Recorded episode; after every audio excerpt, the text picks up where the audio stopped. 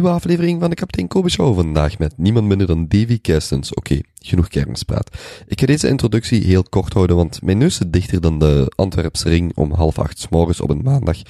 En, um, heel kort gezegd, Davy Kerstens, oprichter, CEO, chairman, alles met een C zoals hij zelf zegt, van Spark Central, is als jonge Limburger hier begonnen, met hier bedoel ik Vlaanderen, België, is dan naar San Francisco vertrokken en is ondertussen ook uh, halvelings teruggekomen naar Hasselt, naar de buurt, om zijn zaak verder zowel vanuit Europa als de Verenigde Staten uit te breiden. Davy doet een aantal leuke uitspraken, een aantal uitspraken waarvoor hij denk ik ondertussen wel gekend is, waarvoor hij zich zeker niet schaamt. En voilà, dat is het. Geniet van dit interview. Laat Davy weten at Davy Kerstens op Twitter en andere social media. En heel veel plezier met dit interview. Alle informatie op kapiteinkobe.be slash Davy Kerstens of kapiteinkobe.be slash sparkcentral. Enjoy! Davy Kerstens, we zitten hier vandaag in Hasselt, Corda Campus. Ik ken u al langer, ik volg u al langer. Voor de mensen die u niet kennen, um, kunt je toelichten wie je bent en wat je doet? Ja, um, ik ben Davy Kestens, zoals je al zei. Um, ik ben de oprichter uh, en CEO en chairman en al, veel, al die andere C-namen van Spark Central. Wij noemden oorspronkelijk TwitSpark. En wij zijn een softwarebedrijf dat gestart is met het maken van een klantendienst software over Twitter. Uh, maar dat is dan uiteindelijk geëvolueerd naar een klantencommunicatieplatform, klantendienstsysteem um, voor moderne media en um, één op één messaging, zeg maar, tussen de grotere bedrijven wereldwijd en hun individuele klanten. Dus wat wij praktisch doen, is wij maken software voor hun klantendienstteams, um, om heel efficiënt grote volumes van vragen, klachten en feedback te beantwoorden. Dus wij doen het beantwoorden niet zelf, maar we zorgen dat dat bij hun optimaal verloopt. Um, en wij werken met veel luchtvaartmaatschappijen, van um, Brussels Airlines naar Delta Airlines, naar United, naar Emirates, JetBlue, uh, Virgin Australia. Wij werken met heel moderne bedrijven zoals Netflix, Dropbox, uh, Uber, uh, Twitter zelf. Um, en dan heel veel real, uh, real estate ketens ook, of um, noem het, uh, zeg maar fastfood en dergelijke, met Jack in the Box. Ja, dus redelijk wel een grote naam. Als iemand het mij vroeg en ik zei, wat zij eigenlijk doen is, ik zet Fuck Delta Airlines, de vlucht is weer vertraagd. Delta Airlines filtert die commentaren en kan eigenlijk gelijk de NMBS in België bijvoorbeeld directe feedback, alhoewel dat daar nog, uh, nog iets anders is, maar directe feedback met hun klanten kunnen zij daardoor verbeteren. Ja, daar zijn we dus mee begonnen. Hè? Dus als je vroeger uh, Fuck Delta Airlines of zoiets op Twitter zou zetten, dan haalden wij dat in en lieten we hen, prioritiseerden we dat en lieten we hen dat efficiënt beantwoorden. Nu gaat dat veel verder, dat we effectief eh, het probleem aan het oplossen zijn van, um, hoe noemt dat tv-programma? Basta. Uh, ik denk dat het was een paar jaar geleden dat zij een, uh, een container voor de voordeur van, of de parking van was Mobistar, denk ik, geplaatst hadden. Um, en ze zaten daarin en ze waren um, zelf de, zeg maar, de security van Mobistar van het kastje naar de muur aan het spelen binnen een callcenter. En het is eigenlijk, dat is een van de grootste problemen dat wij proberen op te lossen, is uh, slechte customer service, dat je vier keer moet inbellen, zeven keer je verhaal opnieuw moet leggen en twee keer afgelegd wordt.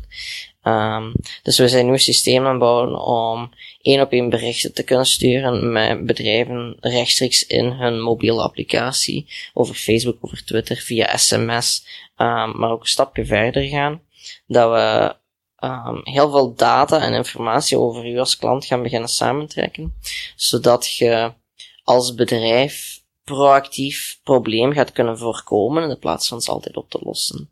Um, bij ons noemt dat de codename Precog uh, van Minority Report, waar dat ze zo voorspelden wie dat er een moord ging plegen. Bij ons gaan we voorspellen wie dat er een klantendienstprobleem gaat hebben. Uh, dus als een goed voorbeeld als je zeg maar de, de Delta Airlines app op je gsm geïnstalleerd hebt. Daar zit GPS-locatie aan. Dus als zij weten van u, via ons systeem, dat je een vlucht hebt die eraan komt, en dat je gate over 35 minuten gaat sluiten, maar jij nog 30 minuten rijden zijt in afstand van de luchthaven, dan is de kans 95, 99 procent dat je je vlucht gaat missen. En dan is er ofwel de keuze van, kijk, je gaat heel snel naar daar rijden, je gaat opgefokt zijn, en je gaat daarvoor aan de counter gaan willen inchecken, en die madame gaat zeggen van, ah nee, je mocht niet inchecken, het is te laat. En dan ga je lastig worden op het bedrijf. Ofwel via ons systeem gaan wij dat patroon kunnen zien, en gaan wij proactief een bericht naar je gsm sturen van, kijk, je gaat je vlucht missen, het kost je 150 dollar, en we boeken nu over naar de volgende die over twee uur vertrekt. Um, en dat probleem al opgelost is voordat het een probleem is. Um, dat je een winkel binnenwandelt en automatisch je uh, een bericht krijgt voor iets op te lossen. Of dat je uh, in het buitenland zit en je kredietkaarten werken niet meer. En in plaats van dat je dan uit de rij moet gaan, uh, aan de kant moet zetten, dat je proactief een berichtje krijgt van de bank, zeg, hey, zit jij dat? Ja, oké, en dan kun je gewoon nog eens je kaart gebruiken en het werkt. Um, het is echt wel naar proactieve customer service. Zeg. -hmm. Commissaris, nog even terug op uh, Twitspark en Spark Central dan uiteindelijk oh. en uh, uw reis naar San Francisco. Um, even terug, hoe, hoe oud zit je nu? Ik heb een app op mijn gsm dat me dat doet herinneren, maar ik denk dat het 27 is. het gaat allemaal zo rap voor Ik denk, toen ik gestart ben was ik 22 of 23 met deze bedrijf. Um, het is een fantastische app, noemt What's My Age Again. Um, en het is inderdaad 27. 27. 27 jaar, 4 maanden en 3 dagen. voilà, ik weet het.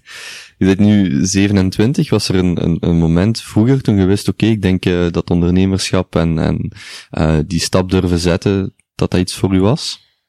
Oh ja, nee. Um, ik ben nooit opgestaan met de gedachte van, kijk, ik ga ondernemer worden. Um, het was geen keuze van het een of het ander. Het is niet van een concept of gelijk je een, een beroepskeuze maakt of gelijk dat je een, een studiekeuze maakt op school of welk boek je in de bibliotheek gaat lezen. Maar ja, dat iets is dat zich natuurlijk evolueert. Um, goh, ik na mijn middelbaar amper afgemaakt te hebben, um, ben ik gaan werken bij een uh, softwarebedrijf dat websites maakte, hier in Hasselt. En daar had ik al redelijk wat freelance werk voor gedaan tijdens mijn middelbaar. Ik denk dat ik vanaf mijn 13 of 14 met freelance werk bezig was, vooral websites maken en designen. Um, en daar hebben we ongeveer een jaartje gezeten en vrij snel besef van, kijk, um, ik vind dat niet tof. Dat... Ik doe heel graag wat ik doe en ik denk dat ik daar heel goed in ben. Maar voor alles toestemming vragen of uh, mijn hand moeten opsteken, zeg maar. Ik zou liever mijn eigen ding doen. En daar rond die periode ik heel veel boeken zitten lezen over um, start-ups, um, over niet noodzakelijk grote bedrijven bouwen, maar meer zo het concept van uw eigen lot bepalen, um, uw eigen ding doen. En, en dat, dat intrigeerde mij gewoon heel hard, dat inspireerde me. En ik denk dat dat gewoon heel hard werkt met mijn karakter. Uh, dat ik altijd wel eens een beetje ondernemend geweest ben, dat ik het gewoon zelf niet door had. Um, dus ja, uh, in de 4-Hour Workweek zitten lezen, toen dat dan nog nieuw was, dat boekje. Uh, ik vind dat fantastisch. heel veel mensen zeggen, de 4-Hour Workweek, is zo onrealistisch. Die kerel werkt zelf ook geen vier uur, maar dat is een, een work maniac. Um, maar dat is eigenlijk niet de bedoeling van het boek. Het is effectief om te tonen van, kijk, dit is wat er mogelijk is. Um, en een andere manier van kijken op de wereld geven. Uh, er zijn een paar andere boekjes. Uh, Rich Dad, Poor Dad was ook fantastisch. En het komt er gewoon allemaal op neer van hoe kun je ervoor zorgen dat je een systeem creëert dat je niet voor elk uurtje dat jij werkt een loontje krijgt, maar dat je effectief een machine kunt creëren dat u kan onderhouden. En daar is het eigenlijk mee begonnen. Dus toen ben ik heel veel, zeg maar, kleine projectjes beginnen bouwen om passief inkomen te creëren. Was terwijl je uh, werkte? Of was je toen uh, al gaan studeren? Dus ik werkte bij um, dat bedrijf voor een klein jaar ongeveer, denk ik. Uh, en dan heb ik besloten van zo aan projecten te gaan werken. Shop opgezegd. Uh, en ben ik in Kortrijk gaan studeren. Allee, studeren. Ik heb mijn korting ingeschreven. um, met heel plan van, kijk, ik ga daar geen kloot moeite voor doen. Ik ga daar gewoon werken aan mijn eigen ding. Um, en dan, ja, na een anderhalf jaar gewoon gezegd van, fuck it, ik ben hier weg. Het is nog altijd te veel moeite. Maar nog een half jaar op en af blijven pendelen, alsof ik een student was en gewoon dag en nacht zitten werken aan verschillende projecten. En ik denk dat ik een vier of vijf projecten gedaan heb toen. Uh, en elk project, allee, het eerste was gewoon iets wat ik verzonnen, en dan elk project loste een probleem op van het vorige. En telkens dat dat gebeurde, um, werd het probleem ook groter. En bij het laatste had ik een groot customer service probleem. Ik ben een enorm slechte programmeur, daar zaten zoveel bugs in. Um, dat we op een dag een kleine duizend mensen hebben zitten klagen over ons op Twitter. Dat ik zei, kom, ik moet iets bouwen dat dat oplost. Uh, en dan twee weken na het prototype was gelanceerd, is Volkswagen hier in België dat beginnen gebruiken. En ja, als je dan 22-jarige kerel bent en je eerste klant is Volkswagen, dat werkt wel. Hoe kwam Volkswagen dan bij jullie? Of uh, via DDB. Um, DDB, um, Tribal DDB denk, denk ik dat hij hier in Brussel noemt. Dat is, um, dat was toen, ik weet niet of dat nog altijd is, maar dat was de hoofdagency van Volkswagen in België. En ze hadden een, online app en project gebouwd voor een marketingcampagne. Maar eigenlijk pas op het laatste moment beseft van, kijk, uh, we gaan daar misschien wel support voor moeten leveren, want het is een vrij ingewikkeld campagnetje. Uh, en vrij langlopend. Dus, um, ik had al met hen gepraat ervoor, gewoon uit netwerkevents en dergelijke. En, uh, ik denk dat zij twee dagen voordat ze een campagne starten beseffen dat ze customer service moesten leveren hierop. En dat ze mij in alle eil gebeld hebben van kijk, kun jij dat niet doen? Ik zei ja. Um, dus dat was een beetje... Je werd niet betrokken in hun in de ontwikkeling van hun systeem toen? Of nee, was, dus zij hadden een, um, een mobiele app gebouwd voor Volkswagen. Um, dat was een wedstrijd van twee of drie maanden, denk ik. En het kwam erin van dat je foto's van Volkswagen auto's die je in het wild vindt, moest nemen. En op basis van hoe zeldzaam dat die is, of wat kleur dat die is, of of dat een getunede auto is, of whatever, um, krijg je een aantal punten. En de persoon met de meeste punten op het einde van de maand kreeg een, een iPad of een laptop of whatever dat was. En op het einde van de drie maanden kreeg de persoon met de meeste punten in totaal een, een Volkswagen auto. Maar het was vrij ingewikkeld hoe het puntensysteem werkte en de app en dergelijke. Um, dus dat was een totaal ander ding. Uh, maar ik had het prototype van, van Twitspark destijds, nu Spark Central, uh, gebouwd. En ja, twee weken nadat het gelanceerd was, hadden zij dat door van kijk, we moeten hier support voor leveren. En hebben ze gevraagd of ze ons systeem konden gebruiken. En het was er absoluut niet klaar hoor. maar ik heb gezegd ja, uh, en er uh, vrij hevig op gezeten en het is gelukt en ze hebben dat gebruikt voor die drie maanden. En dan een enorm goede reference letter geschreven. Um, was een, was een reference letter? Uh, ja, zo'n referentiebrief, hè. Um, na, voor wie was die bedoeld dan? Voor eender wie die iets met Spark Central wil te maken hebben. Dus um, potentieel investeerders, klanten. Ze hadden gewoon een, een A4'tje voor mij geschreven van um, hoe responsive we geweest waren. Ik spreek in wij voor, maar het was toen juist ik. Um, wat probleem dat we voor hen opgelost hadden, wat ze van ons vonden, hoe content dat ze waren. En dat eigenlijk gebruikt als eerste case study van de klant om kapitaal op te halen en, en andere klanten te zoeken. En die boeken die je net aanhaalde, of de, de kennis daaruit of de informatie, hielp u dat toen al om echt effectief keuzes te maken, om bepaalde systemen op te zetten? Want het boek zeker, de Far Workweek, is 2007 ongeveer uitgekomen. Dus rond die periode dan, als je dan uh -huh. uh, terug in de tijd gaat en daar, uh, daarmee bezig waart? Goh, ah, ik ga niet zeggen dat ik alles wat ik doe uit boeken geleerd heb. Uh, geleerd heb. Ik denk meer dat de boeken een, een soort van duw waren om meer te doen. Maar alles is met vallen en opstaan gebeurd. Ik heb veel fouten gemaakt. Ik maak er altijd dagelijks veel fouten. Ik ben daar vrij goed in. Um, maar dat was meer een aanzet tot, um, en ik denk niet dat ik zoveel mentorship gehad heb of dergelijke, maar ik denk dat um, veel, veel fout van de beslissingen meer van een gut feeling zijn dan, uh, dan uit een boek. Um, maar het is af en toe goed om, om een bepaald boek te lezen voor, voor een, een check te doen. Maar er zijn er niet zoveel die echt goed zijn. De beste dat ik nu weet, maar dat is, sommigen gaan dat fantastisch vinden, anderen gaan dat maar niks vinden, omdat het niet toepasselijk is voor hen. Um, maar Ben Horowitz, dat is de co-founder van Andreessen Horowitz. Um, je moet zijn profiel en zijn biografie maar eens opzoeken. Dat is een van de zotste kerels in Silicon Valley. Hij heeft een boek geschreven, dat noemt The Hard Things About Hard Things. Ik weet niet of je hem al gelezen hebt. Nee, nog niet. Um, specifiek geschreven voor startups die venture capital ophalen. Um, en het gaat letterlijk over de harde dingen uit de harde dingen. Um, dus de hardste dingen die je ooit kunt doen. En zijn hele thesis van zijn boek is dat, uh, en, en ik, ik kan niet genoeg onderdrukken hoe goed en hoe succesvol deze boek is. Uh, het wordt nu al in Silicon Valley geschreven dat beste manual of guide is van Silicon Valley. Um, enorm, enorm goed boek. Um, maar zijn hele thesis rondom het boek dat hem geschreven is van kijk, alle managementboeken rondom startups en, en maar echt startups, geen pizzazaak, maar fast growing startups, uh, die kapitaal ophalen en dus heel snel wil schalen. Um, alle boeken die geschreven zijn, die case studies doen van die startups en die bedrijven, worden geschreven door analisten die zelf nog nooit een bedrijf gerund hebben en die bedrijf bekijken in een hoogjaar. Um, en vrij zelden kunnen daar iets uit leren dat toepasselijk is en dat problemen had oplost. Dus die een keer al schrijft van over toen dat hij Netscape heeft opgericht, um, over dat de beurs tankte um, en de, de, de crash van uh, 2000 of wat allemaal was.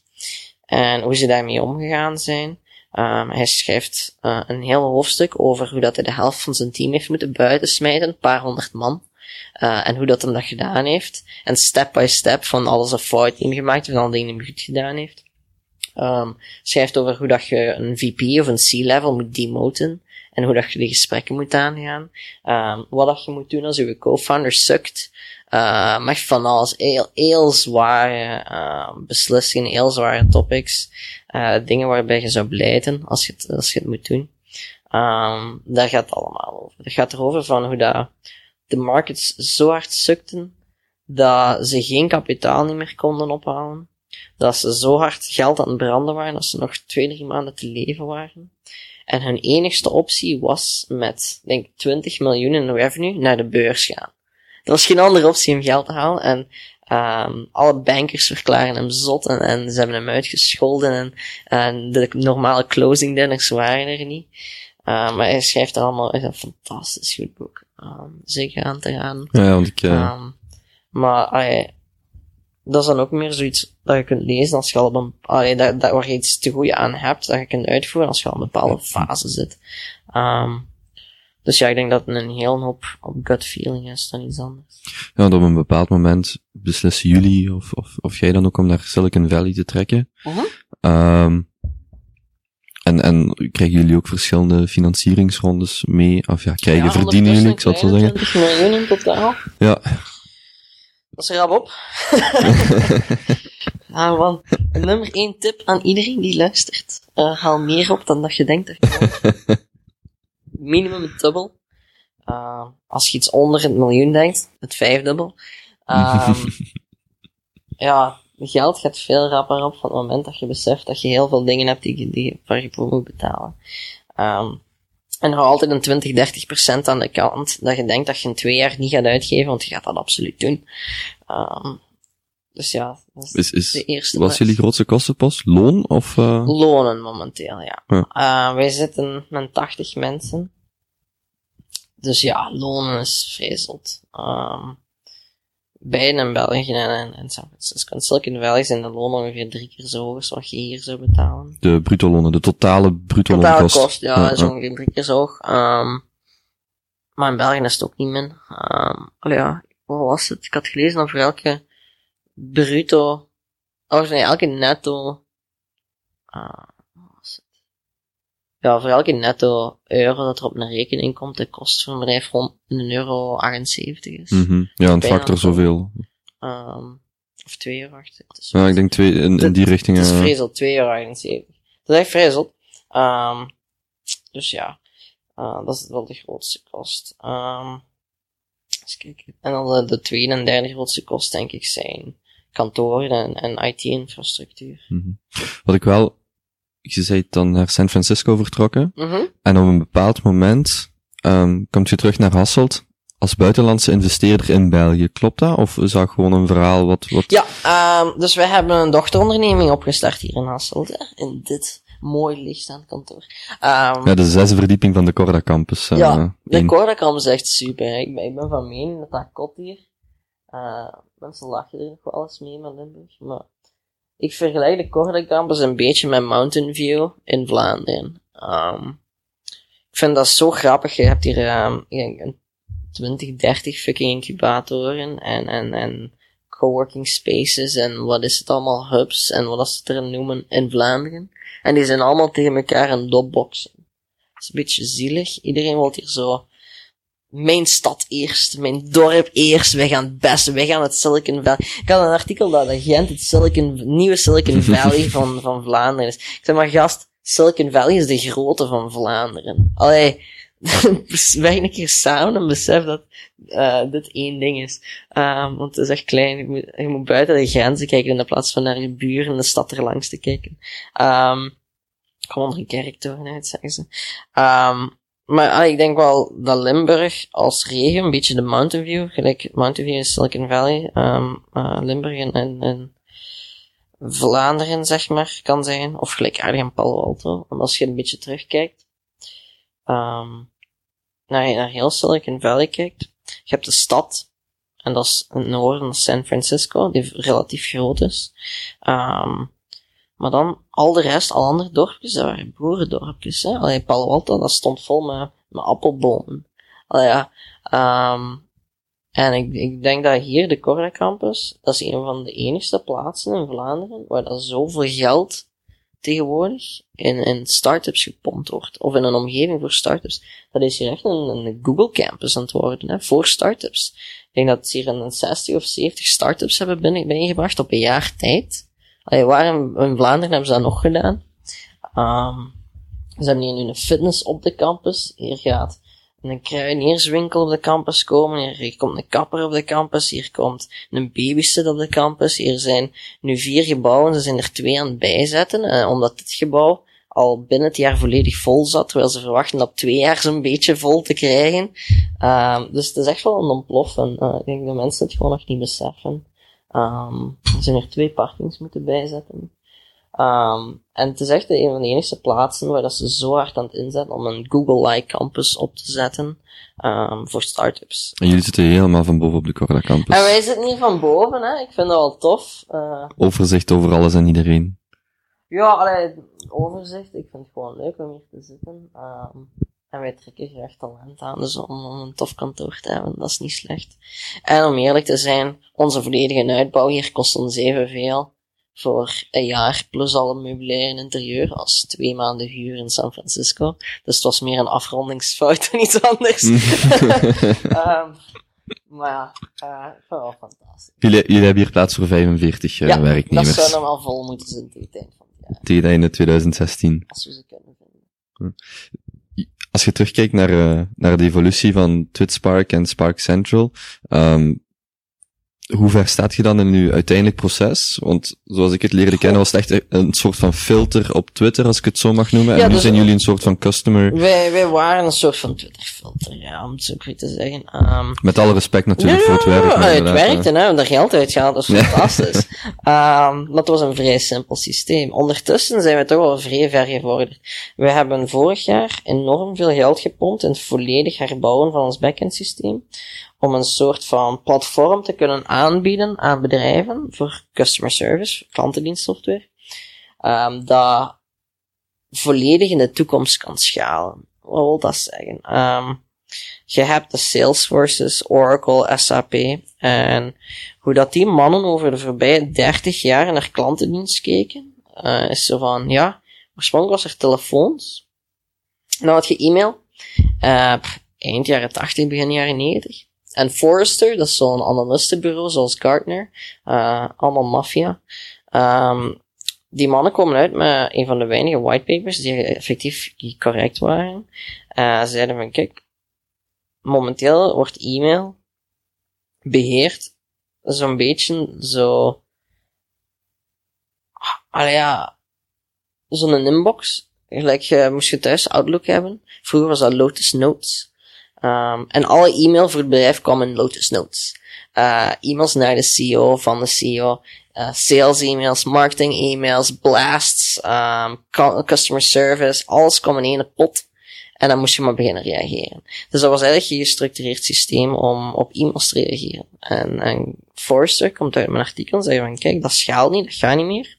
In de enterprise is er nu nood om e-mail af te scheiden en dan een gelijkaardig systeem te steken als dat wij calls behandelen. Uh, dat noemen ze een ACD, Automated Call Distribution Systeem. Uh, dat betekent prioritiseren van inkomende calls en die naar de juiste mensen die daarop kunnen reageren doorspelen die momenteel online zijn. Uh, en hetzelfde gelijkaardig systeem worden ze voor e-mail. Dus er is ook software rondgebouwd. En dan komt chat. En dan komt sms. En dan als, alhoewel sms, dat is meestal ook maar uh, one-way notifications en vrij zelden één op één. Waar dat mensen nu aan beginnen te denken. Ik zeg man, hoe de biel op nog 20 jaar achter. Maar goed. Um, en dat is zo'n beetje geëvolueerd. Maar hoe dat de meeste van die bedrijven, zoals een Oracle of een SAP, dat behandeld hebben, dat is dan een call systeem. En dan, ofwel bouwen ze een apart e-mail systeem, dat ze daar invringen of tegenaan plakken, ofwel kopen ze iets dat toen trending was, ondertussen al 30 jaar oud is. En dan plakken ze daar tegen en dan proberen ze dat zo'n beetje te integreren. Dan komt chat eraan, kopen, plakt er tegen, door. Dus uiteindelijk, nu we er voorbij 30 jaar, is van die mastodonten en beesten van rotcode. Um, software dat gebouwd is in de jaren 90, uh, begin 2000. Um, dat nog on-premise zit, wat wil zeggen niet in de cloud. Uh, waar ze voor moeten betalen, bedrijven voor moeten betalen, om één keer per jaar iemand met een floppy disk of met een cd'tje moeten laten binnenwandelen om een update uit te voeren. Um, en dan hebben van die problemen dat je van het kastje naar de muur gestuurd wordt en de persoon aan de andere kant van de lijn nog altijd geen flauw idee heeft wie dat je zit. vandaag de dag wordt dat voor de klant ook uh, hoe langer hoe irritanter. Ja. En, en ik ben van mening dat bedrijven, alleen alle services dat bedrijven tegenwoordig verkopen, wordt gegeneraliseerd. Um, een fucking vliegtuig is een vliegtuig. Dat is een sardineblikje in de lucht. Je zit misschien een centimeter dichter of verder van de persoon langs voor je. Daar zit een blijtende baby. En dat is misschien nog of nog niet uh, bestuurd door een automatische piloot. En voor de rest knalt zelf. Ze vliegen misschien aan routes. Uh, de prijs is misschien een euro verschillend. Uh, en de stewardesses van een ene vlucht zijn misschien knapper dan een andere. Maar dat blijft het bij. Uh, loyalty programma's, als je dat weghaalt, het is allemaal hetzelfde. Alle services, uh, de differentiation, de, de, uh, ja, de differentiation tussen bedrijven wordt minder en minder, des te meer dat ze globaal beginnen concurreren. En het probleem is, of de opportuniteit is, dat alle bedrijven globaal willen concurreren. Alle banken willen overal zitten, alle vliegtuigmaatschappijen willen overal zitten, alle winkelketens willen overal zitten. Um, alle Starbucks is nu fucking overal, hè. Dat, zijn, dat zijn de kakkerlakken van deze wereld, bij wijze spreken. Je kunt, kunt in Amerika geen twee blokken wandelen en je ziet er een, hè. Um, Niks tegen Starbucks, by the way. maar ja, het is maar een voorbeeld te geven. Um, dus de differentiatie tussen... Wel, uh... ja, ja, nee, de, dus de differentiatie tussen bedrijven wordt zo moeilijk, um, dat ik van mening ben dat de enigste manier voor bedrijven in de toekomst om te overleven, is te differentiëren op customer service. Uh, want er gaat geen andere dingen zijn. Uh, de reden waarom dat mensen naar Hilton gaan, vergeleken met een Sheraton of whatever, is omdat zij vinden dat de service in het een hotel beter is dan de ander. Ja, niet omdat uh, het bed misschien iets beter is. Ja, je de bed, dat, en dat zijn topbedden. Nou, ja, wat, wat gaan ze daarin leggen? Boegt. Um, en dan word je kuist en, alle, en, en alle amenities zijn er, want ze hebben een aantal sterren en boom door. Um, dus er gaat geen ander uh, ding meer zijn. Dus ik denk dat er een serieuze move gaat zijn naar customer service voorbij, over de komende paar jaar. Um, dus dat wordt dan natuurlijk de vraag. Dus um, om even terug te komen naar je oorspronkelijke vraag.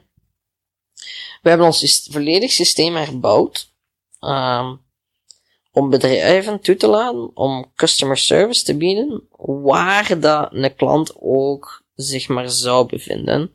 En hetzelfde gesprek met dezelfde persoon binnen het bedrijf over eender wat kanaal door te zetten.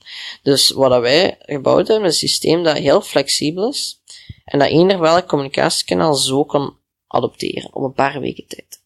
Terwijl momenteel, als je zegt van wij moeten software voor e-mail en chat en wat is het allemaal, dan moet je iets doen wat een RFP noemt, Request for Proposal, waar dat je dankzij corporate politics, whatever, um, vijf bedrijven moet aanschrijven, die allemaal reviewen, allemaal pricing van moeten doen, allemaal moet uittesten, om dan tot een keuze te komen. Daar zijn er dan zo een paar maanden tot een jaar mee bezig om, om een software uit te kiezen.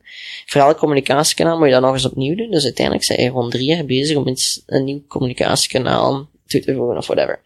Um, dus wat wij gebouwd hebben, is een systeem dat bedrijven toelaat om één agent te laten communiceren met eender welk communicatiekanaal er momenteel is, maar ook in de toekomst kan zijn. Wij willen ervoor zorgen dat als er een nieuwe Facebook is en je hebt daar twee klanten op zitten, dan zou het een no-brainer moeten zijn om gewoon daar ook op die klanten te gaan reageren. Momenteel moet je nog altijd de afweging maken tussen, gaan we al dan niet support leveren over dit kanaal, want daar komt een serieuze kost bij te kijken, we moeten daar software verkopen, we moeten daar mensen op trainen, uh, we moeten leren van hoe we daarmee moeten omgaan. En wij zeggen van, kijk, nee, Zet al je mensen op het één systeem en wij regelen de workflow, wij regelen de integratie. En het enige wat jij moet over zorgen maken is dat er genoeg mensen op zijn op te reageren. Um, en dat gaat, is, is heel strategisch voor ons, omdat ons gaat toelaten om te schalen naar de toekomst toe. Uh, en om te differentiëren, zeg maar, naar de grote SAP's en Oracles en Salesforces van deze wereld. Hoe, hoe groot is die ehm, markt? Eén idee? Blijft? Hoe groot is die markt? uh, enig idee waar daar, waar daar de limiet ligt? Um, of ehm, waar, ik denk dat er hoe ver dat jullie kunnen 52 schalen? miljard wordt uitgegeven aan software op jaarbasis binnen customer service. Dus pak dat wij dan een fractie van kunnen krijgen. Globaal? Uh, nee, in Amerika. Ah, in Amerika. Um, dus is relatief groot. Um, het enige nadeel, of niet nadeel, de challenge dat wij hebben, is, als je naar de enterprise markt kijkt, en dan hebben we het niet over SMB of zelfs mid-level, um, naar de enterprise markt in customer service uh, software. Um, daar komt er geen Zendesk of een desk.com of dergelijke tegen. Dat is effectief SAP, Genesis, Oracle, Avaya, uh, Salesforce Service Cloud uh, en al die systemen die een paar honderdduizend tot een paar miljoen kosten om mee te beginnen. Um, en ook al zijn die systemen zeer verouderd, dat zijn dat zijn monsters, hè. Dat zijn bedrijven met sales teams van een paar duizend man. Die hebben marketingbudgets, dat niet normaal is. Die hebben, die software is misschien wel oud en versleten, maar ze hebben 30 jaar de tijd gehad om daar zoveel features en muurtjes rondom te bouwen en integraties te bouwen, wat een stickiness factor geeft. Um, dus gaat voor ons, we zijn tot de conclusie gekomen dat we effectief wel een grote opportuniteit hebben om een nieuwe speler in die markt te worden. Maar we beseffen dat heel lang gaat duren en heel veel geld gaat kosten. Want wij moeten, zeg maar, niet alleen innoveren en beter zijn dan wat er is, maar ook een serieuze catch-up beweging maken rondom al die andere functionaliteit. Dat is de randfunctionaliteit, zeg maar, die er is. Uh, want Nederland van die bedrijven die RFP's doen. RFP's, dat zijn lange checklists. En als je zo een paar checklists geen een check hebt, dan vlieg je eruit, hè. Ook al is je software beter. Uh, dus dat moeten we wel inhalen. Maar we hebben al redelijk wat klanten nu ondertussen. Uh, een kleine 70, die toch wel overtuigd waren dat wij beter waren, ook al hadden we sommige features nog niet. Hebben jullie, uh, hebben jullie servicecontract of hoe ziet een typisch contract eruit? Um, dus onze contracten zijn um, op jaarbasis, um, recurring, recurrent. En het is gebaseerd op een aantal factoren, het aantal seats, dus het aantal mensen die je effectief hebt die onze software daar dagelijks gebruiken. Het gaat van 1 tot... 1 tot, momenteel is de grootste deployment denk ik in 650 seats. Een bedrijf met 650 mensen, mensen die, dus die onze software service. gebruiken. Ja, ja. Um, wat redelijk veel is. Ja. Uh, het leuke is, en dat is, dat is, dat is een miljoenencontract voor ons, uh, meerdere. Um, maar het, het zalige is dat wij daar 650 seats verkocht hebben. Maar die hebben 8500 seats in een heel contactcenter. Dus het potentieel van onze contractwaarde binnen bedrijven is fenomenaal hoog. Uh, dat is wel een leuke maar en dat geeft je ook zekerheid, of toch een bepaalde soort van zekerheid naar de toekomst? Oh ja, dat, dat toont goed aan investeerders en, aan, aan uw markt van hoe, hoe, groot potentieel is van wat je doet. En als al die klanten hun, hun enigste reactie is niet van, ja, ik weet niet of wij die extra feature gaan gebruiken, maar als ze een hele roadmap zien, dan zeggen van, waarom kun je dat gisteren niet aanleveren? We willen dat hebben en we gaan ervoor betalen. Dan is dat wel rustgevend en wat tof. Uh, maar dan heb je een ander soort stress, want dan moet je gewoon sneller bewegen dan dat je kunt lopen. Um, maar dus ja, seat-based pricing. En dan hebben we nog andere um, pricing tiers daarop voor bepaalde support levels en voor uh, SLA's, service license agreements, um, Ja. voor bepaalde volume thresholds. Het is wel altijd uh, recurrent per jaar. Op, Ja. de, op die, op Ja. die servicebasis, ja. Ja, als Voor- ze effectief om training vragen of setup dingen en dergelijke, dan is er soms een eenmalige fee, maar dat gebeurt niet altijd.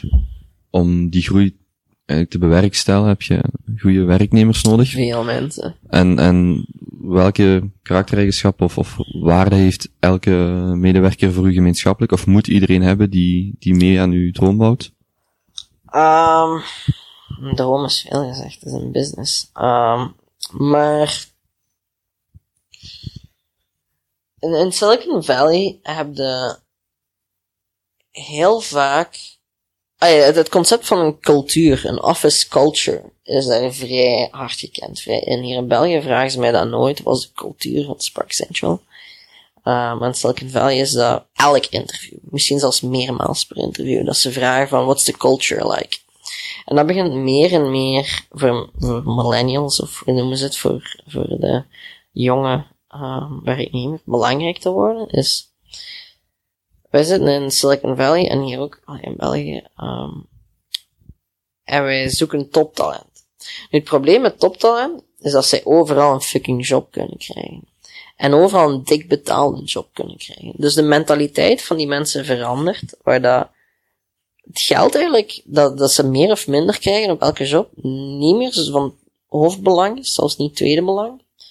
Maar dat levenskwaliteit en uitdagingen en zich uh, geapprecieerd voelen en uh, leuk vinden om te gaan werken elke dag, nummer één wordt. Um, wat vrij interessant is. Um, dus ze vragen mij vaak van, kijk, what's the culture like um, bij Spark Central? Omdat ze wel een idee willen van, ga ik hier graag kunnen willen werken? En hetgeen wat wij gemeen hebben is, mensen die bij Spark Central werken, die werken hier niet alleen voor een loontje, uh, maar die werken omdat ze effectief geloven in wat wij aan het doen zijn. Die, um, dat zijn mensen die niet op een uurtje kijken en dat werkt in twee richtingen. Allee, je kunt bij ons om tien uur s morgens aankomen en dan of vertrekken, zeg maar, en dan om twee uur namiddag of drie uur namiddag terugkomen. Je moet niet eens komen opdagen, zolang je werk gedaan krijgt. Um, er is een heel hoge vorm van accountability. Um, ik moet nooit iemand zeggen wat ze moeten doen, of wat ze niet mogen doen. Dat, dat doen hun collega's. Um, er is heel veel transparantie en direct feedback in alle richtingen. En, en het is gewoon een leuke plaats, omdat niemand gelijk een kind behandeld wordt. En in ruil daarvoor ook niemand gedraagt zich als een kind. Um, tenzij we Halo aan het spelen zijn. Uh, maar het is een hele toffe cultuur, heel, heel een groep van mensen die allemaal in dezelfde richting kijken. Er is absoluut geen office politics. Absoluut geen. Ik heb daar zelfs een regel over. Um, wij doen elke donderdagochtend een presentatie. Eender wie binnen het bedrijf kan dat doen. En dat is een stand-up voor heel bedrijf. En dat mag maximum een half uur duren. Iedereen belt in of komt opdagen op de stand-up. En we hebben daar klanten die daar komen spreken over hoe dat ze ons gebruiken. We hebben product dat vertelt over nieuwe features. We hebben ik die door een financial plan gaat en zegt hoeveel euro of dollar we nog op elke rekening staan hebben. Alles wordt heel transparant intern gedeeld. Um, nieuwe hires, uh, van alles. Waarom dat een bepaalde bug niet opgelost raakt. Of waarom dat we deze fout gemaakt hebben. Heel transparant alles. Waarom dat die persoon ontslagen is. Alles. Um, wat wel vrij zot is. Meestal als we iemand ontslaan, dan wordt dat toegejuicht. Wat heel grappig is. Uh, maar dat, is, dat, dat wijst opnieuw naar onze cultuur. Iedereen is echt bouwd in van, kijk, wij willen hier het beste bouwen en maken. Uh, dus als iemand ontslagen wordt, dan weten ze dat is voor een reden, omdat he didn't cut it, of she didn't pull it. Uh, dat is niet goed genoeg. En, uh, oh, vrij zot is. Um, maar ik had dus pas een presentatie gedaan op donderdagochtend. En dat ging over politics. En, um, binnen het bedrijf. Binnen het bedrijf. En zei, ik, was, ja, ik zei van, kijk, we zijn nu van 20 naar 80 gegroeid, op een paar maanden tijd. Uh, dus er zit, voor elke persoon die hier was en de cultuur mee heeft opgebouwd, zijn er drie nieuw. Wat zijn, die brengen allemaal een stukje cultuur van hun vorige job mee. Uh, dus we gaan daar vrij hard in zijn. Uh, en iedereen die zich bezondigt aan achterklap of, of, de, of de politics wordt ontslagen. On the spot. En ik had een term gegeven, uh, ik denk dat ik hem verzonnen heb, want ik heb het nog nergens gezien. Uh, dat noemt sledgehammer management. Uh, voorhammer management. Uh, wat letterlijk wil zeggen van, if you don't fit in, word ontslagen. We hebben hier geen heilige huisjes. Als je achterklap dit politieke moves maakt, dan vlieg je buiten. En je kunt het beste verkopen zijn in een team.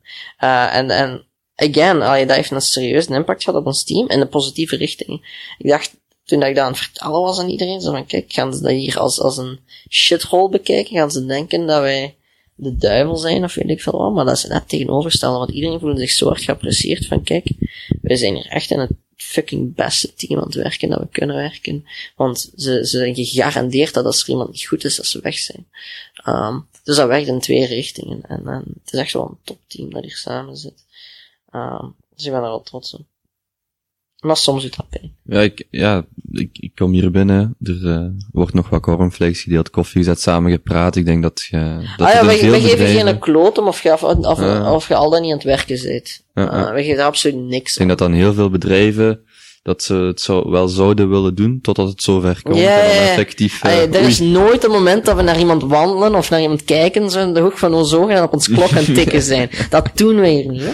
Van mijn part moet jij niet komen opdagen. Van mijn part moet jij, mocht jij naar de fitness gaan door de dag. Jij mocht hier op de Halo beginnen spelen. Ik geef daar geen klop om. Er is maar één regel. Um, jij mocht eender wat doen. Jij mocht onbeperkt verlof nemen. Onbeperkt betaald verlof, by the way. Um, als jij verlof wil, pakt het gewoon. Je moet gewoon een kalender aangeven dat je er niet zijt, want dat we weten van wat we kunnen inplannen of niet. Maar er is één regel en jij mocht je eigen productiviteit en de productiviteit van je collega's uh, niet negatief beïnvloeden. Dus get your shit done. Um, en als jij een meeting hebt die gepland is met je collega's, als je niet komt opdagen, dat is het probleem. Um, als dingen uh, regelmatig niet op tijd aflevert, dat is het probleem. Maar voor de rest, wij tellen geen uren, wij tellen geen verlofdagen. Want je hebt verlof, pakt verlof. Uh, de toon hier is vandaag zijn eerste dag. Hij is vijf weken naar Seoul geweest. Uh, of, ja, ik denk dat Seoul was. Uh, je m'en fous, hè. Allee, ja, zijn werk gedaan is en wij hebben onze milestones behaald. Doe wat je wilt. Van mij part, als je keigoed kunt werken en een workaholic bent, en jij um, elke dag 20 uur werkt voor een maand lang, en dat je al je taken voor drie maanden hebt gedaan. Je gaat twee maanden op vakantie. I don't give a shit. Wilt je van het strand van Hawaii werken? Dat. Zolang dat wij ons doelstelling maar gedaan hebben en de productiviteit niet beïnvloed wordt in alle richtingen. En dat appreciëren mensen. Want je zet ze niet meer als een kind aan het behandelen. En, dat werkt heel hard. Uh, ik van het moment dat je mensen als zo uurtjes begint op te leggen, dan heb je effectief, ja, je moet van 9 to 5 werken. Uh, en je mocht zo lang pispauzen hebben en je mocht de koekje eten om zo laat. Dan kun ik je garanderen dat om 1 voor 5 mensen klaarstaan om naar buiten te spurten. Um, en dat werkt gewoon niet meer. Dat, dat werkt in een industrieel tijdperk. Van dat je bepaalde mensen aan de machine moest staan hebben. Maar in een moderne IT-omgeving en een werkomgeving, dat, dat werkt gewoon mhm. niet meer. Je moet mensen vertrouwen en een ding laten doen. En dan ga je zien dat je topmensen kunt aanwerven vraag me wel, zit jij als persoon, want je staat aan het hoofd, eerder introvert of extravert? Uh, een mix, denk ik. Bij bepaalde situaties ben ik enorm introvert. Bij andere situaties ben ik heel extravert. Vooral als ik bezopen ben. Um, nee. Um, het hangt er echt van, van de situatie of van het moment. Um, ik denk dat ik van nature meer introvert ben. Maar ik ben heel... Ik denk heel veel na over hoe dat ik mij moet gedragen en wat ik moet doen en wat ik moet zeggen. En dat ik mezelf uh, forceer om soms meer introvert te zijn of meer extrovert te zijn op basis van wat de situatie nodig heeft. Uh, ik heb geleerd dat ik heel vaak moet zwijgen. Heel vaak andere mensen krediet moet geven en laten nemen. Ook al ben ik geweest. Uh, dat maakt niet uit. Uh, heel vaak moet zwijgen als ik weet dat, ik, dat de rest op een oplossing moet komen, of ze vertrouwen om dat te laten doen. Of ook al weet ik een betere oplossing, soms, niet altijd, want de, meeste mensen zijn beter dan mij, um, moet ik dat niet altijd zeggen. Uh, en moet ik dat gewoon laten doen. Um, omdat zij uiteindelijk wel een betere, dezelfde of misschien zelfs een betere oplossing gaan vinden. Ehm, en, en, en dat is wel belangrijk. Dus hangt van situatie tot situatie af. Maar ik zou zeggen van nature meer introvert. Ehm, ik ben niet graag in ruimtes met te veel mensen.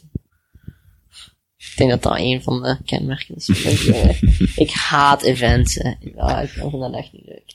Ik doe liever zo één op één dinners of lunches met mensen dan dat ik voor een groep van een paar honderd man moet staan. Of in een groep zelfs. Um, Zo'n networking event. Het komt met strottijd. Ik wil daar niks van hebben. Mhm. Ehm, ja. Ik neem aan, eh, zoals eh, Tim Ferriss ook in zo'n 4-hour workweek, het is, als het je hobby is, dan eh, voelt het niet als werken, maar doet je uiteindelijk toch nog heel veel uren op een week Ja, of op een ja, maand. allee, we zijn wat dikke vier jaar bezig nu. Dat voelt gelijk een jaar. Ik denk dat ik nog nooit een dag echt het gevoel gehad heb van dat ik moest werken. Mhm. Alhoewel, nee. Ehm dat is niet waar. Ehm ik denk dat de laatste weken van een fundraise echt sukken. Die sukken echt. Eh, maar voor de rest, op de laatste twee dagen na, want dan wordt alles hè? getekend, ja. Maar fundraise is echt kut. Want je moet aan 500 bielen uitleggen die absoluut geen idee hebben van je business of je markt, waarom dat jij gaat lukken. En je weet dat keigoed, maar sommige mensen snappen het echt niet, hè. Eh, vaak, waar mensen, VC's, hebben zelf nog nooit een bedrijf gerund, ehm, of hebben totaal geen idee van, van management, en die, die staan daar aan het hoofd van. Ehm, niet om te renten dat alle VC's slecht zijn, maar er zijn toch heel wat debielen bij. Ehm, dus ja, dat sukt wel zo. Als je zo 50 nee's hebt gekregen van gasten die, die nog nooit iets gedaan hebben, dat, dat, dat doet Want voor, voor ons Maar is voor de rest geen investering, maar voor u zit je natuurlijk een uniek bedrijf. eh. ja, en ehm hey, dat is erin met passie, hè. Zij bekijken dat puur van ehm probabiliteit en, en percentagetjes en cijfertjes op het papier en ehm ze beseffen niet van hoe, hoe, groot soms opportuniteit is of waar dat je mee bezig bent. Ehm of zij kunnen de risico's of de opportuniteit niet te goed inschatten, omdat ze je klanten niet persoonlijk kennen. Ze weten dat niet. Eh, ze hebben de voorgeschiedenis niet en ze hebben er niet dag dagelijks in gezien. Dus dat is vrij moeilijk. Ehm maar langs de andere kant is het kei plezant als je het effectief doet, hè. Tot twee dagen nadat je het opgehaald en dan beseft je hoe, hoe hoger de verwachtingen geworden zijn. Mhm. Tot de eerste boardmeeting. En Davy, je bent ook ondertussen verloofd. Hoe, in hoeverre biedt u daar rust? Of, of kunt je dat combineren, uw werk en uw, uw Ah, privé? goh, ik ben enorm trots op mijn madame. Ehm al in de zin van... Zij stond er ook al in het begin, eh, begin bij en achter. Ja, we zijn al een, al een kleine acht jaar samen, denk ik, zeven en half. Ehm maar eh, er zijn sommige dagen, of sommige weken, dat ik tien dagen, twee weken aan een stuk, s'avonds niet thuis ben totdat zij in bed ligt. Ehm er, ah, van tijd zijn weken waar dat ik drie weken lang, misschien twee dagen, in twee individuele dagen ben, ben thuis geweest en voor de rest op vliegtuig zat. Ehm dus ik kan er enorm goed mee om. Ehm dus echt wel chapeau. Ehm maar langs de andere kant, ze weet ook wel dat ze niet getrapt is. Ja.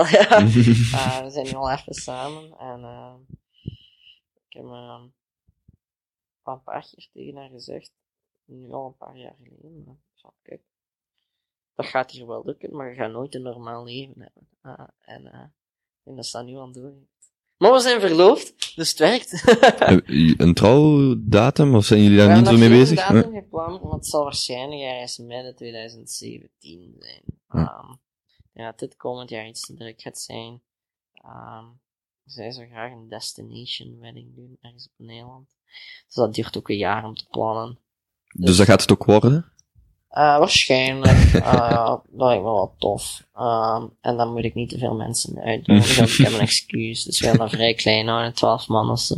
Ehm, maar we gaan waarschijnlijk nog een fundraise doen voor de zomer. Dus ik denk, ik ga geen trouwplannen en een fundraise doen op hetzelfde moment. Ja, Ja. fuck you. Eh, dus laten we dat erna doen. Sequentiële oplossingen. zoeken. Niet dat je een fundraiser voor je trouw op je eiland aan het doen bent uiteindelijk. Ja, dat, ja, misschien heb ik dat ook een privé fundraise nodig. dat eh, Er staat nog altijd niet veel geld op mijn bankrekening. Ehm maar ja, we zullen zien. Davy, mag ik u nog twee vragen stellen? Ja. Ehm eh, even kijken. Ik zag onlangs dat je in IJsland bent geweest. Ehm was de mooiste plek die je in de laatste twaalf maanden hebt bezocht? Eh, ja. IJsland is veel top. Eh, ik heb er redelijk wat coole foto's van ook. Ik moet de meeste nog online zetten, maar de foto's zien er fantastisch uit en maar toe echt geen eer aan hoe- cool het was. Het was vrij koud, maar enorm veel toffe mooie dingen gezien. Eh, ik dacht nooit dat ik naar iets koud op vakantie zou gaan, maar het was echt wel moeite. Echt wel. En, allee, niemand spreekt er geen Engels en spreekt echt perfect Engels, dus dat is ook handig. Ja, want van dat IJslands, daar snap ik niet veel van. Was het ook de mooiste plek in de laatste twaalf maanden of in, in het laatste jaar? Ah, ja, twaalf maanden is een jaar. Ehm, ja, Ah, ik ben op redelijk veel plaatsen geweest, maar het probleem is, hey, mensen, ik heb, eens kijken hè, ik denk dat ik een 250.000 mijl gedaan heb vorig jaar. Ik mijn app even openen van Delta Airlines. Een app om uw eh, miles bij te houden? Ja, Hm. ehm ah, shit, ah, het is gereset. Eh, maar het was veel. Heel veel. Ehm maar mensen zien, oh, Davy vliegt overal naartoe. Hup, naar Dubai. Hup, naar Chicago, New York, whatever. Eh, en ja, dat is wel tof. Maar ik ben nu voorbij twee jaar acht keer in Atlanta geweest. En ik heb nog altijd geen idee hoe downtown Atlanta eruit ziet. En ik klant Delta Airlines daar. En ik land en ik neem letterlijk een taxi naar de andere kant van de luchthaven om een meeting te hebben. En dan terug een taxi terug in het vliegtuig op. Eh, dus dat ziet er allemaal wel cool uit, maar veel plaatsen heb ik niet gezien. Eh, maar IJsland was echt wel voor privé-reden. En dat was, dat was magnifiek. Mhm. Dat was goed. Ehm, ja, en de laatste vraag is tweeledig in de zin dat als je eh, kunt teruggaan, je zit 18, eh, wilt gaan studeren of niet, zou je iets anders doen? Of zou je exact hetzelfde ook anderen aanraden? En als je mocht verder kijken de volgende vijf jaar, hoe zien die er dan uit? Goh, ik zou vroeger gestopt zijn met school. Ehm, Hogere studies. Beide. Ehm, als het kon en als het niet te veel problemen zou opge- opgeleverd hebben, zou ik in het vijfde middelbaar gestopt zijn. Ehm, ik denk niet dat ik iets heb bijgeleerd sinds toen. Ja, ik heb zo wat algemene theorie geleerd die je uiteindelijk terug vergeten bent.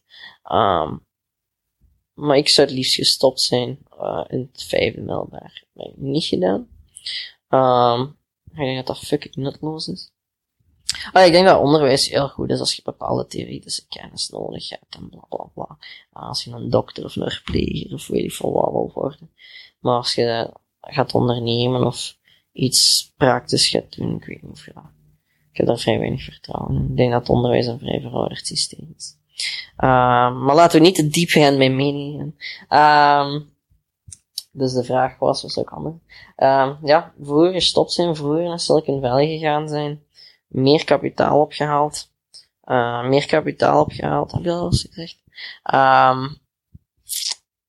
En naar de toekomst, ja, dat zullen we zien, hè. Ik moet nog veel fouten maken. Eh, ja. Alles. Trouwen. Ja, dat hè. Trouwen, nog een keer op vakantie gaan, denk ik. Ik denk dat mensen onderschatten dat je hoeveel vakantie eigenlijk zou moeten nemen. Ehm ik denk dat dat vrij belangrijk is. Ehm ja, we zullen zien. Het gaat een interessant jaar worden. Goed. Dan, ja, ik kan u, ik kan u nog heel veel vragen stellen, maar ik wil uw tijd ook respecteren. Merci, Je hebt, eh, je hebt veel dingen te doen. Ehm, nog even vragen, mensen die u zouden contacteren, waar vinden die u? Of waar mogen die u contacteren? Op Twitter. Zo, Dat is nog altijd de nummer één plaats om mij vast te krijgen. Ik neem geen telefoons op. Absoluut niet. Zelfs niet van mijn board. Ehm e-mails, ja, soms krijg je een antwoord, soms ook niet. Ehm ik ben vrij goed in de archive-knop. Maar ja, als het belangrijk is, dan volgen ze, volgen ze op. Hè. Het probleem is, met spammers, die volgen ook op. Ehm helaas. dus ja, Twitter is eigenlijk het beste. Eh, alle push notifications van mijn gsm staan af. Ehm, dus zelfs stuur je mij een sms, kan zijn dat ik dat pas een halve dag later lees.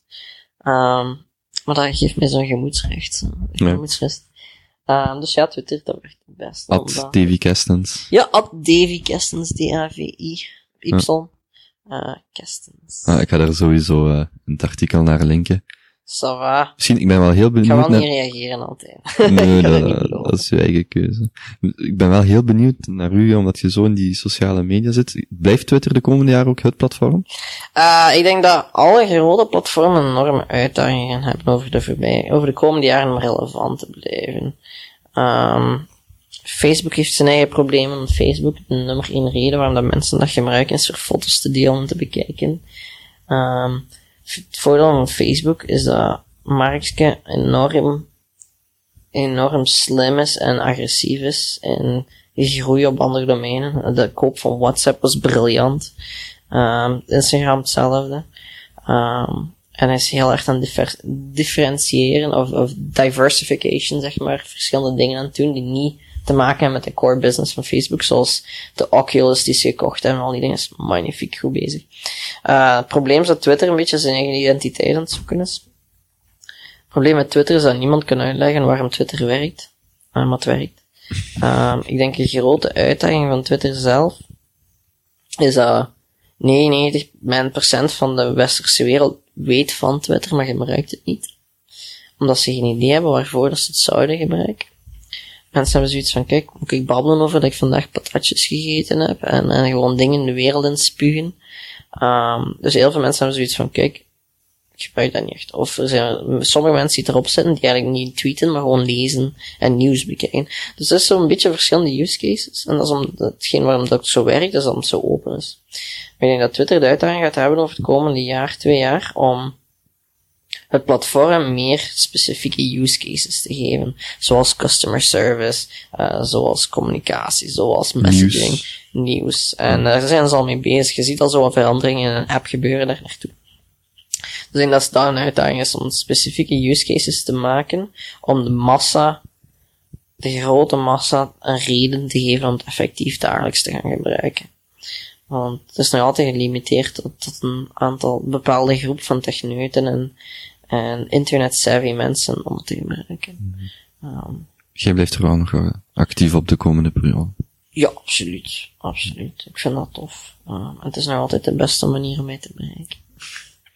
Goed. Prima, dan Davy, hartelijk bedankt. Mhm. Eh, nu begint 2016, nog heel veel succes dit jaar. Dankjewel. En eh, ja, hopelijk eh, tot de volgende nog eens. Ja, tot de volgende.